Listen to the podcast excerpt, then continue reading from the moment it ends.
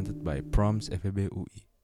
Halo semua, selamat datang di episode kedua Promscast. Presented by Project on the Moves FEB UI atau dapat disebut juga dengan Proms FEB UI Nah kenalin nih, nama gue Andreas Dan nama gue Nadira, but you can call me anytime Kita akan menjadi host untuk episode kedua Promcast kali ini Nah buat yang belum tahu, Proms itu apa sih?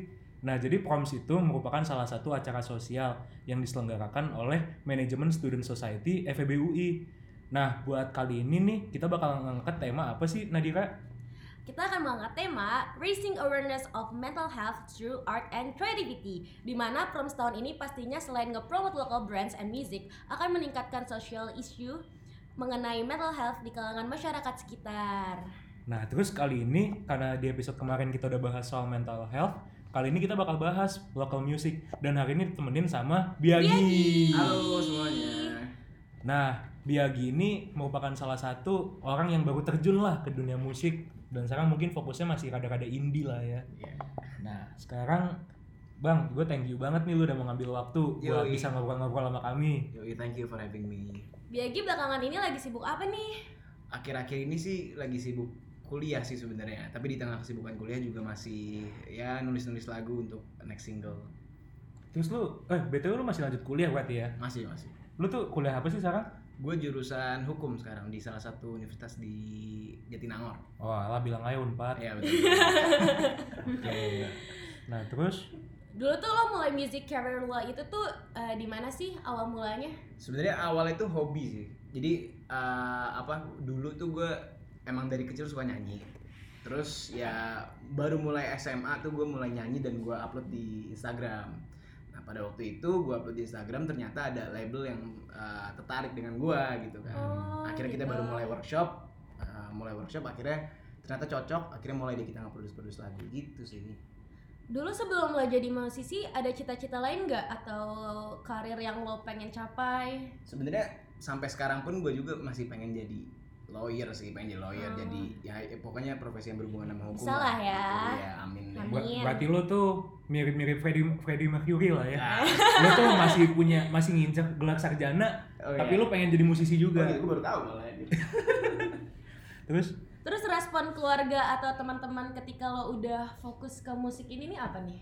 Eh, kalau dari keluarga gue sih tentunya suportif banget lah karena ya emang dari dulu kan gue udah bilang sebelumnya gue suka banget nyanyi kan Hmm, kalau misalnya ada acara keluarga nih lebaran gitu ya Iya. pasti gue tuh yang disuruh nih mic dikasih ya dikasih ke gue suruh karaoke Oh. gitu kan suka kayak Berarti lo nyanyi dari kecil kali ya? nyanyinya dari kecil tapi Oh. baru mulai gua apa ya publikasiin gitu pas Hmm. SMA lah Oh, gitu.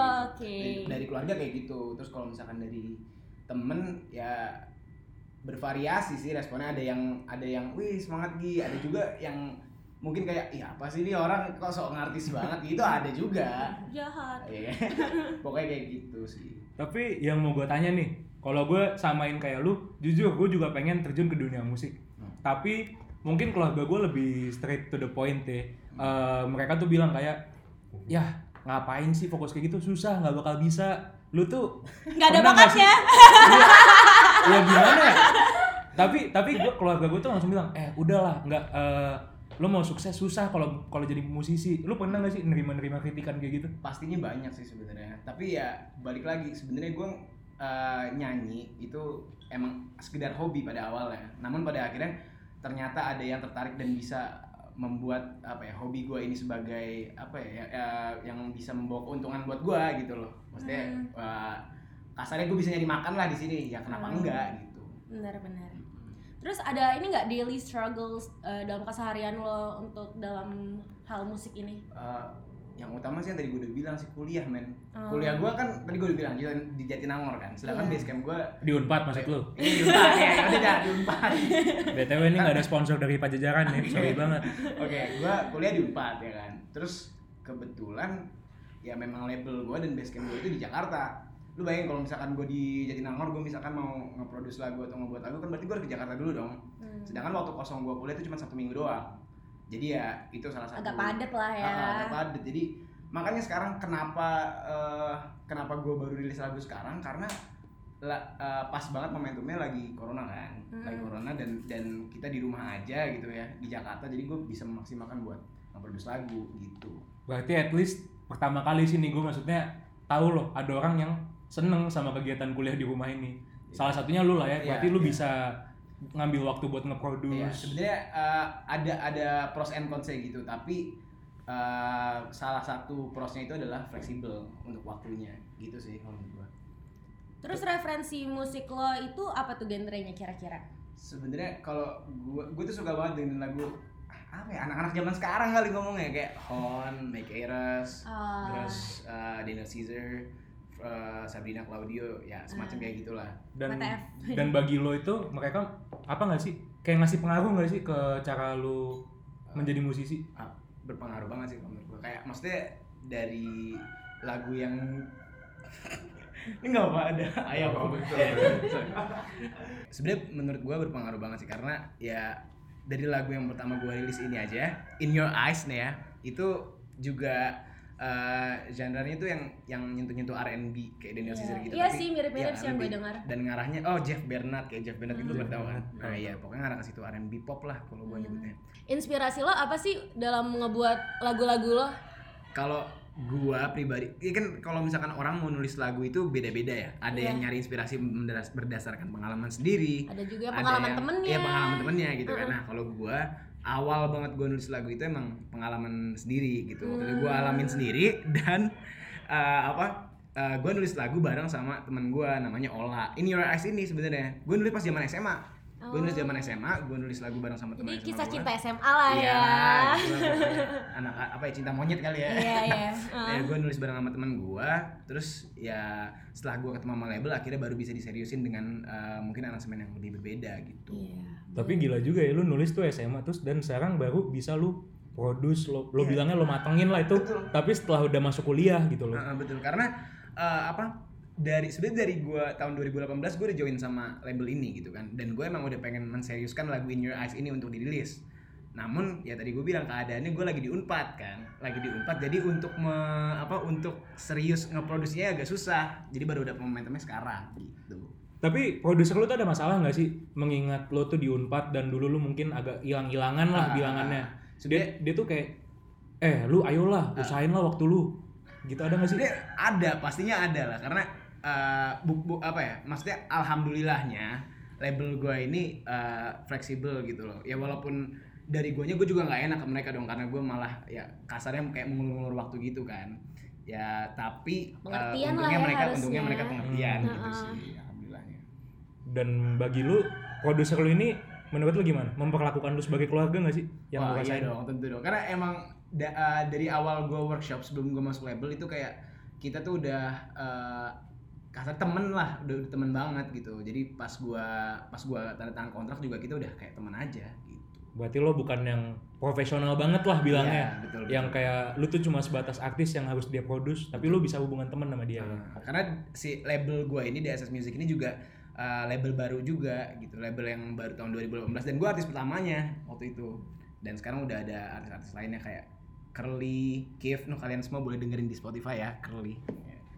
Berarti professional and fun gitu kan, Ya, nggak yang kaku-kaku ya intinya harus seimbang lah antara profesional sama funnya. Oke, terus um, current situation nih, maksudnya kayak uh, ada nggak sih pengalaman lo belakangan ini kayak uh, lo mungkin lagi ngebikin lagu atau lo mungkin bentar lagi mau ada showcase atau apa pun itu? Oke, kalau sekarang gue memang jadi In Your Eyes ini gue tadinya gue mau buat music video, mau buat music video dan temanya awalnya itu mungkin uh, menyangkut orang banyak kayak misalkan videonya tuh lagi uh, jalan di tengah-tengah orang banyak gitu kan. Sedangkan keadaannya sekarang lagi corona gini. Hmm. Jadi gue me- apa mengcancel itu dan sekarang akhirnya cuma ada lirik videonya doang yang udah kalian bisa tonton di YouTube. Nah, Hmm. namun lu promosi mulu gue liat-liat kayaknya YouTube-nya apa? YouTube-nya apa? Oh, Coba, coba, Cek YouTube-nya eh, apa? DSS Music Channel sama Prayuko Biagi. Kalau YouTube ya, kalau Instagram udah nanti dulu ya. Nanti nah, oke, eh, tadi gua ngomong mana ya? Eh, mau bikin musik video oke, mau buat musik video, namun akhirnya nggak jadi. Nah, sekarang akhirnya eh, baru kemarin tuh baru kemarin hari Selasa ini gua sama Agung Munte Hmm. eh, ngebuat versi kayak strip versionnya dari In Your Eyes gitu. Wah, sabi tuh. Nah, bakal ya sebentar lagi bakal di upload di YouTube DSS Music. Dan lo kalau nggak salah pernah sepanggung sama Rini juga kan ya? betul di Java Jazz. eh jujur itu gue penasaran banget dari gue liat lu minggu lalu maksudnya ya sorry nih gue sebenarnya baru tahu juga lu udah setelah dikenalin. Mm. Nah tapi gue keren banget gue ngeliat lu sepanggung sama Rini kan. Nah, Nah gue mau tahu dong ceritanya kenapa sih kok lu tidak bisa dikasih kesempatan sepanggung sama dia? gue juga gak nyangka main awalnya jadi eh, Java Jazz itu emang kebetulan emang mengadakan semacam lomba gitu kan si bareng sama si Rini ini kalau eh, jadi eh, kita disuruh nge-submit cover lagu dari dia dan kalau misalkan menang eh, berkesempatan untuk nyanyi bareng Rini di panggung Java Jazz. Nah waktu itu gue sebenarnya nggak ada niatan buat nge-submit awalnya banget ya nggak ada niatan. Tapi tiba-tiba cewek gue nge, nge line gue bilang Sampai sekarang masih cewek lu? masih masih Kebetulan kebetulan masih. Thank God. Mungkin setahun setelah podcast ini dirilis nggak ada yang tahu ya. nah pokoknya cewek gue ini ngechat gue dan bilang Gi itu si Rini ada lomba Java Jazz coba aja submit eh, cover kamu gitu kan nah dulu kebetulan kebetulan banget gue udah pernah cover lagunya Rini tapi gue belum post jadi gue kayak nge-submit eh, apa draft gue yang udah pernah gue buat sebelumnya. Dan alhamdulillahnya tiba-tiba besokannya nih besokan setelah gue nge-submit kan gue baru apa balik kuliah nih balik kuliah. Baru sampai baru sampai kosan terus gue mau buka HP wah notifikasinya kok uh, jebol nih kan. Kok ada ada 300 tiba-tiba like gitu kan. Wih dari mana nih? Pas gue ngeliat ternyata si Rini ini nge nge nge repost nge repost postingan gue. Dan alhamdulillah gue menang gitu sih. Kaget nggak sih kaget banget dan maksudnya yang gue yang gua khawatirin itu bukannya wah gimana nih gue kalau nyanyi jelek? Bukan kayak gitu tapi lebih ke arah wah ntar kalau gue diajakin ngomong bahasa Inggris di panggung gue ngomong apaan? Gue jadi gitu. Jadi gue cuma kayak yes eh, no eh, yes. Nah terus kalau gue tanya nih yang soal pengalaman lu manggung, ada nggak sih semacam stage fright? Atau lu kayak deg-degan gitu ngeliat crowd yang segitu banyaknya? pastinya ada. Nih gue kasih ini fun fact aja nih sebelumnya. Gue tuh pas gue kecil maksudnya eh, kan gue udah bilang gue tuh suka nyanyi dari gue kecil gitu kan. Tapi sejak pokoknya kalau misalkan gue lagi ada acara keluarga dan gue dikasih mic mikrofon itu gue bawaannya pengen muntah men. Karena gue takut buat nyanyi di depan orang-orang gue mules biasa kalau gue grogi gue Nah, mules. gue mules sama gue mules sama muntah gitu. Mutaber. gue mules mules terus eh, mau muntah juga kan. Terus eh, nah sampai sekarang gue mencoba buat me- menghilangkan itu sih. Walaupun tentunya stage fright pasti ada tapi ya gimana cara gue bisa meminimalisir itu sih Tapi semuanya lancar lah ya selama di panggung. lancar ya ah, pernah sih beberapa kali yang rada-rada memalukan tuh kayak tiba-tiba gue voice crack itu pernah Hmm. terus tiba-tiba eh gini lu lu tahu kan eh, artis yang namanya Love Tahu. Tahu. Love tahu kan Ah. Tahu. itu tuh gue tuh gue pernah ditanyain kayak "Ah, musisi favorit lu siapa gue tuh ngejawabnya Lauf jadi orang kok ada cengkoknya gitu kan nah itu berawal dari berawal dari ketakutan gue buat ngomong di panggung gitu loh jadi gue kayak pengen berusaha buat ngomong dengan santai malah pada akhirnya malah ngomongnya ngaco gitu loh. Lauf gitu Terus yang waktu lo sama Rini itu loh, Hmm. dia tuh gimana ya? Kan gue personally belum pernah lah ngobrol sama artis kelas internasional macam Ah. Rini. Tapi lu eh, apa sih yang lu rasain? Mungkin dia lebih ke arah friendly atau kayak dia ternyata kaku gitu cuma memperlakukan lu sebagai Oke. Pemenang. sebagai pemenang gitu loh. gue sebenarnya seneng banget sih karena Rini sama krunya itu bener-bener friendly banget friendly banget. Namun kayak batasan gue sama dia tuh cuman uh, guanya bahasa Inggrisnya kurang bagus gitu loh. Walaupun gue bisa ngomong bisa. Tapi kayak kalau misalkan gue bisa meman- memanfaatkan uh, waktu itu maksudnya keadaan kayak gitu kan harusnya kayak gue bisa jadi teman dong sama dia. Seandainya gue bisa ngomong bahasa Inggris dengan baik gitu loh. Sedangkan gue kayak kurang bagus gitu. Jadi kayak waktu itu pas di backstage gue bener-bener di di apa di uh, dijamu banget tuh. Gue dikasih minum dikasih dikasih makan terus kayak diajak ngobrol kan tapi ya eh, kayak terbatas gitu loh karena gue nggak bisa ngejawab banyak hal dari dia gitu loh. bukan ngejawab maksudnya nggak bisa nggak bisa ngobrol dengan lancar lah itu sih Enggak, tapi yang gue bingung itu lu ngomong lu nggak bisa bahasa Inggris tapi lagu lu bahasa Inggris. Nah, kan? Iya itu dia. Enggak itu Baru kepikiran nggak saya. nggak- nggak nggak konsisten. sebenarnya kalau misalkan ngomong apa eh, ngajak ngomong gue pakai bahasa Inggris bisa tapi kalau misalkan gue ngebayangin kayak wah ini artis internasional dari USA dari dia kan orang Aussie sebenarnya tapi tinggalnya di US kan kayak kalau misalkan gue diajak ngomong sama dia kan gue juga jiper juga gak sih maksudnya kayak ah, gue takut salah ngomong gitu Enggak lu takut dia nggak ngerti nggak sih lu ngomong iya apa? iya iya iya beberapa kali juga kayak gitu lo ngomong aja lirik lagu lo. Iya. Bahasa Inggris Gua- semua gua kalau dengerin. kayak gitu. Nggak dengerin loh, gua nggak dengerin. Jadi waktu itu gue belum rilis lagu gue kan. Eh. Dan waktu itu gue bilang ke dia kayak gue bentar lagi mau ngerilis lagu nih. Terus kayak dia bilang, oh boleh nggak gue denger? Akhirnya gue dengerin ke dia terus kayak, oh keren keren keren. Kayak genre- Tapi in genre- English lah dia ngomongnya ya. Oh ya iya dong. Cuma Sunda gitu nggak mungkin ya. Itu sih. Aing teh macan. Terus rencana ke depannya apa nih? rencana ke depannya tadi yang sebelumnya udah gue bilang gue rencananya bakal nge-upload versi strip strip versionnya dari uh, In Your Eyes terus setelah itu gue lagi gue bareng sama label gue lagi memproduce untuk uh, single selanjutnya Oke. Hmm. Tapi gimana ya? Gue sebenarnya banyak penasaran sih sama pengalaman panggung lu. Hmm. Selain yang sama ini ada lagi nggak sih yang menurut lu memorable atau berkesan gitu? apa ya memorable wah gue kan ikut JGTC nih waktu itu kan JGTC, Just gua Goes to. Campus tuh. Just Goes to Campus terus gue ikut Mugal juga Ya, itu berkesan banget sih Acara FEB lagi. Iya. Acara FEBUI jangan lupa. Apakah proms kali ini akan mengundang Biagi? Nah, nggak ada yang tahu. Saksikan. Berharap aja dulu. Tapi ya gimana ya? Kalau pengalaman yang JGTC sama Mugal kurang menurut gue kurang dibahas sih dari tadi. Menurut lu tapi waktu itu lu di JGTC sama Mugal eh, penampilan lu tuh sebagai biagi ya? Iya, kan kalau sama Rini kan lu eh, lu Sebagai additional- pemenang. additional vo- additional vokalis tuh kalau nggak salah. apa kalau oh, kalau Sama pas sama ini gue sebenarnya sebagai pemenang tadi bener jadi kayak kan lomba jadi Aha. itu sebagai hadiah aja gitu itu kan maksudnya mau gue nyanyi jelek mau bagus itu kan kayak sebagai hadiah aja gitu loh Seba- Tapi nggak? jadinya. ya alhamdulillahnya ada nambah followers gue nambah berapa Asli. Ya, lumayan banget Social ya. climber, exposure lah exposure lah ya. Exposure. exposure man tapi kalau di kalau di jaget ya waktu itu gue oh jaget gue atas nama gue sendiri Biagi tapi untuk di Mugal gue bareng sama teman label gue jadi tulisannya Biagi Kif dan Curly gitu. Jadi kayak macam rame-ramean gitu lah ya. Bertiga. Ibaratnya geng-geng bermusik lah ya. Iya betul betul. Gak apa-apa. Terus Terus kenapa nama stage lo Biagi sih? Itu bukan nama tengah lo ya? Kenapa nggak nama Ah. depan atau nama belakang Oke, gitu? tadinya tuh emang rencananya tuh gue pengennya Biagi Prayuko kan. Tapi setelah gue dan label gue pertimbangkan juga kayak nama Biagi itu juga udah jarang gak sih? Maksudnya eh, nggak. Kan kalau misalkan misalkan nama gue siapa ya? Eko gitu. Kenapa gue kenapa gue menyebut nama bokap gue gitu? Nama bokap gue nggak oke. Maksud gue misalkan nama gue Eko gitu.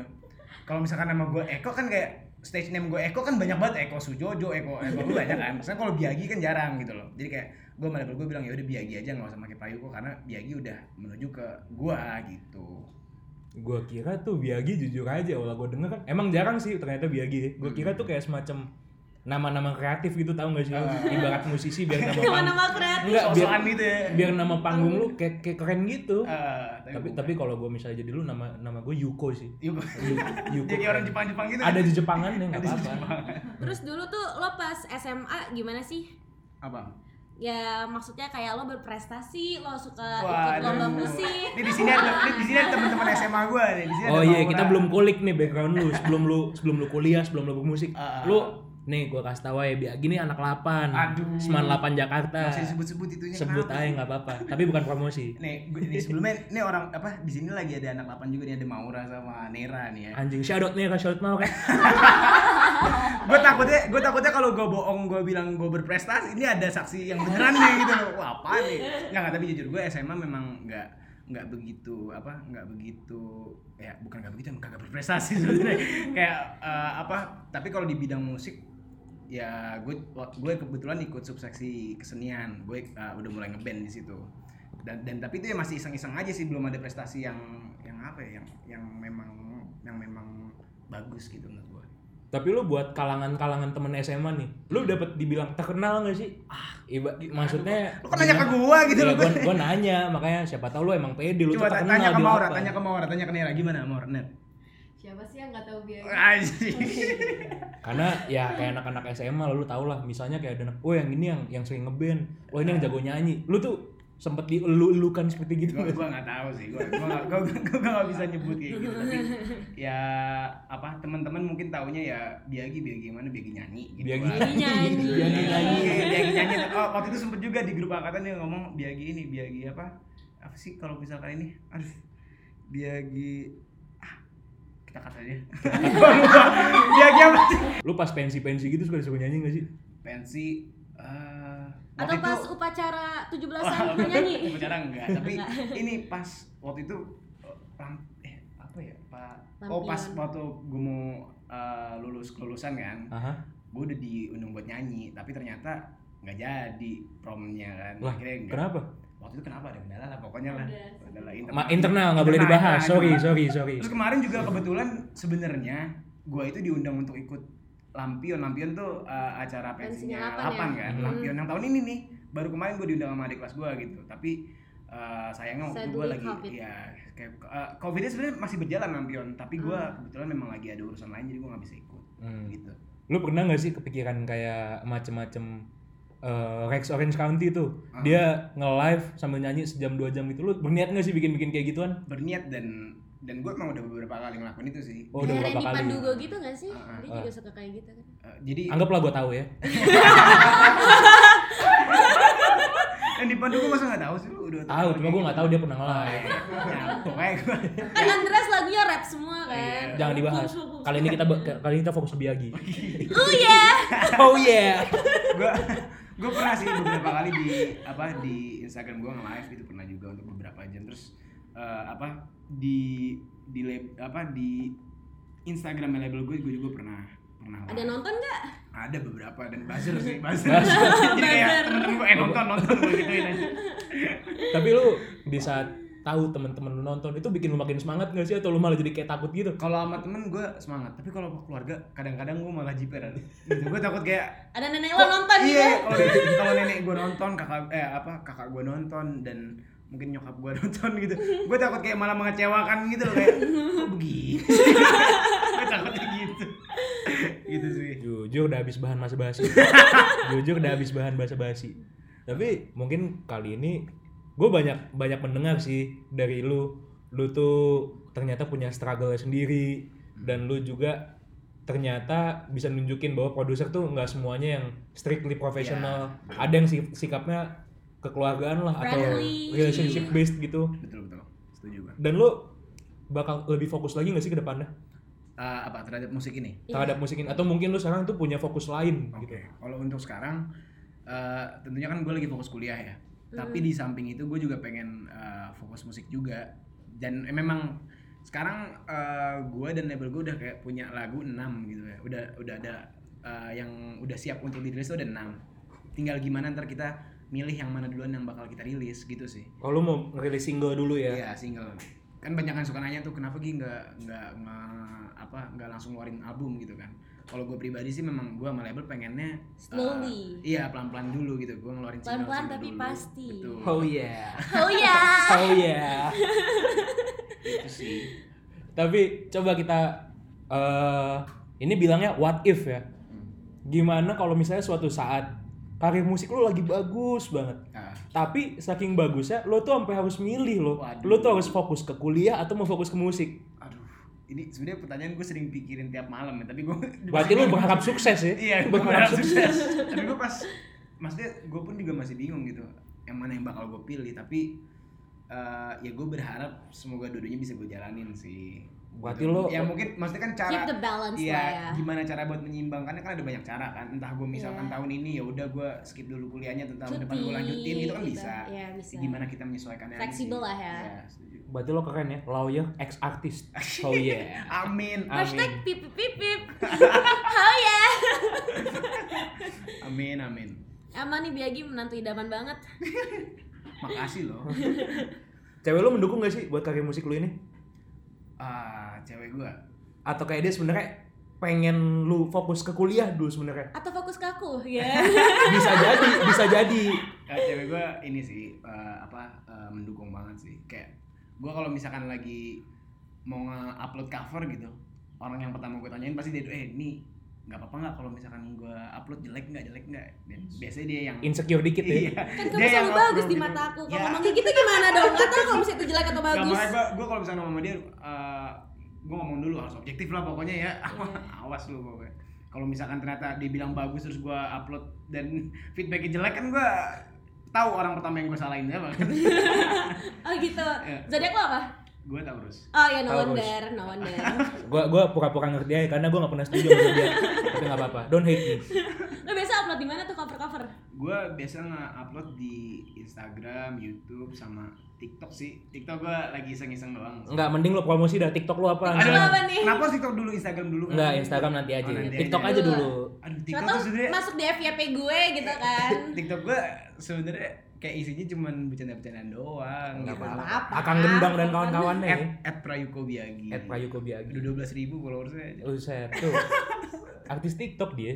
Enggak bukan artis sumpah. Jadi waktu itu gue cuman kayak nge-upload satu video dan itu bareng sama keluarga gue. Terus eh, yang itu ada 800 ribu tuh yang nonton. Yang like juga lumayan banyak kan. Nah gue mulai naik dari situ. Tapi ya kalau misalkan gue nge-upload sekarang di TikTok juga nggak segitu banyak juga orang yang lihat sih. Ya, kita Iya. tidak akan tahu kalau tidak mencoba Oh sih. iya sih. actually. Semoga sem- semoga di ke depannya semakin besar ya. Oke, Iya. boleh bisa bisa. Jadi selain musisi, mahasiswa TikTokers. TikToker. jadi harus disebut banget gitu ya. jadi Biagi bisa bisa dibilang multi talented deh. Multi talent. Sabi.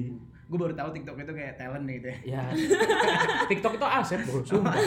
Zaman sekarang lu tahu orang dari mana sih? TikTok. TikTok. Ya. Bener. Enggak, gua gua sebagai kakak tingkat nih ngeliat maba. Kok lu kenal dia? Gua tahu dari TikTok. Anjir. Bisa kayak gitu ya. Tapi sebenarnya kalau gua recap ya, nih tadi kita udah gua udah tahu banyak banget soal lu mulai dari lu di 8 bisa dibilang pelajar yang biasa-biasa aja. Betul. Padahal padahal kita tahu lah dia yang musisi. Iya.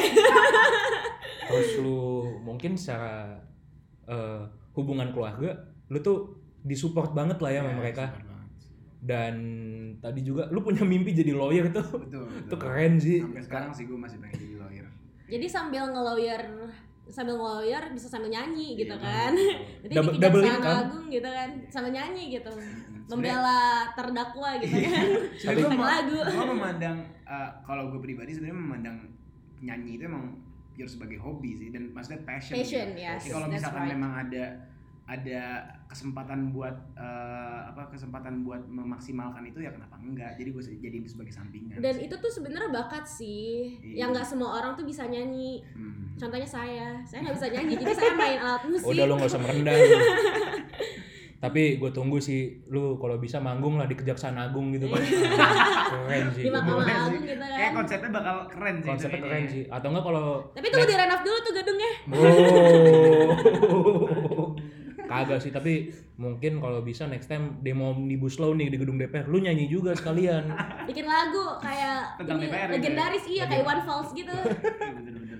tapi tapi lu fokus di musik lu berarti selama ini masih percintaan lah ya. Iya betul sih. Emang eh, apa yang tadi gue bilang, gue kan memang nulisnya berdasarkan pengalaman kan. Ah, nah, iya, gue iya, tuh iya. eh, apa pas SMA tadi gue bilang gue nulis bar- eh, bareng sama teman gue emang tentang itu tentang cinta monyet gitu loh. Dan sekarang pun kalau misalkan gue lagi mau nulis lagu, gue tuh eh, butuh yang emang bisa gue rasain banget gitu loh. Dan dan memang mungkin karena kita apa ya kaula muda Kaula gitu. muda. Kaula muda kali ya. jadi kayak memang eh, yang yang lagi sering gue rasain itu ya tentang percintaan dan ya love life lah Mungkin nextnya kalau lo udah jadi lawyer lo bisa bikin lagu tentang klien lo nah gitu iya kan. mungkin siapa tahu nggak tahu bisa Kan pengalaman pribadi tentang kan. terdakwa gitu bisa Iya.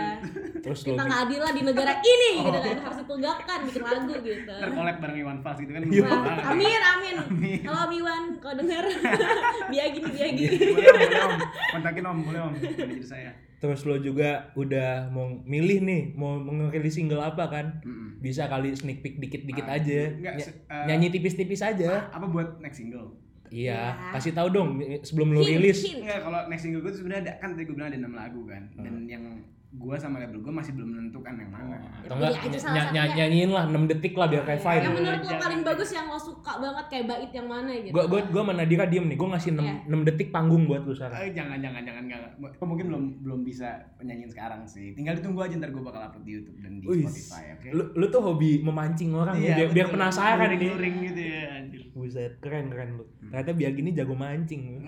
Mancing emosi. oh iya. Tapi ya jujur gua gua merasa ya hampir hampir setengah jam menobrolan kita gue udah ngerasa kenal banget sama lu. Walaupun kita baru kenal dua jam sebelum rekaman. Gue juga ngerasa kayak gitu sih. Bang Biagi kami kasih waktu beberapa menit buat promosi lagu lu sekarang juga. Ah, oke. Buat teman-teman semua bisa didengarin in your eyes di uh, your favorite digital music platform. Dan uh, mungkin untuk pesan ya buat teman-teman semua yang mendengarkan ini. uh, oke, gue pengen ngasih ke, uh, pesan ke kalian semua. Uh, buat kalian yang emang punya passion nyanyi ataupun bermusik apa pun itu, uh, jangan pernah malu buat menunjukkan itu karena nggak ada yang tahu apa yang uh, bisa kalian dapatkan dengan kemampuan itu gitu. Jadi eh, jangan jangan terlalu peduli juga dengan apa yang orang lain katakan gitu udah sih cukup aja. itu aja Keren aja. Be confidence. Ya ini sih at, uh, obrolan dari kami. Terus kami thank you banget buat Biagi nih pertama-tama udah mau ngisi waktu yang sesibuk-sibuk itu katanya. thank you thank you juga udah ngundang gua buat ikutan di proms FEB UI ini Sebelum kita selesai, kita mau ngingetin untuk selalu support local brands and music sebagai bentuk partisipasi kalian buat Proms FEB UI dan pastinya jangan lupa juga promote social issue awareness kepada sekeliling kalian in this case mental health. Dan yang terakhir jangan lupa buat follow sosial media kami di Instagram sama Twitter at Proms promsfebui. Terus kalau lu juga mau ngasih tanggapan atau mau ngontek kami, itu bebas banget dan kami selalu open DM kami. Oh iya, by the way, jangan lupa dengerin single terbaru dari Biagi yang berjudul In Your Eyes in your favorite digital music platform dan follow Instagramnya di at Biagi Prayuko dan jangan lupa follow Instagram gue di @nadirafsy pakai H ya Nadira FSY.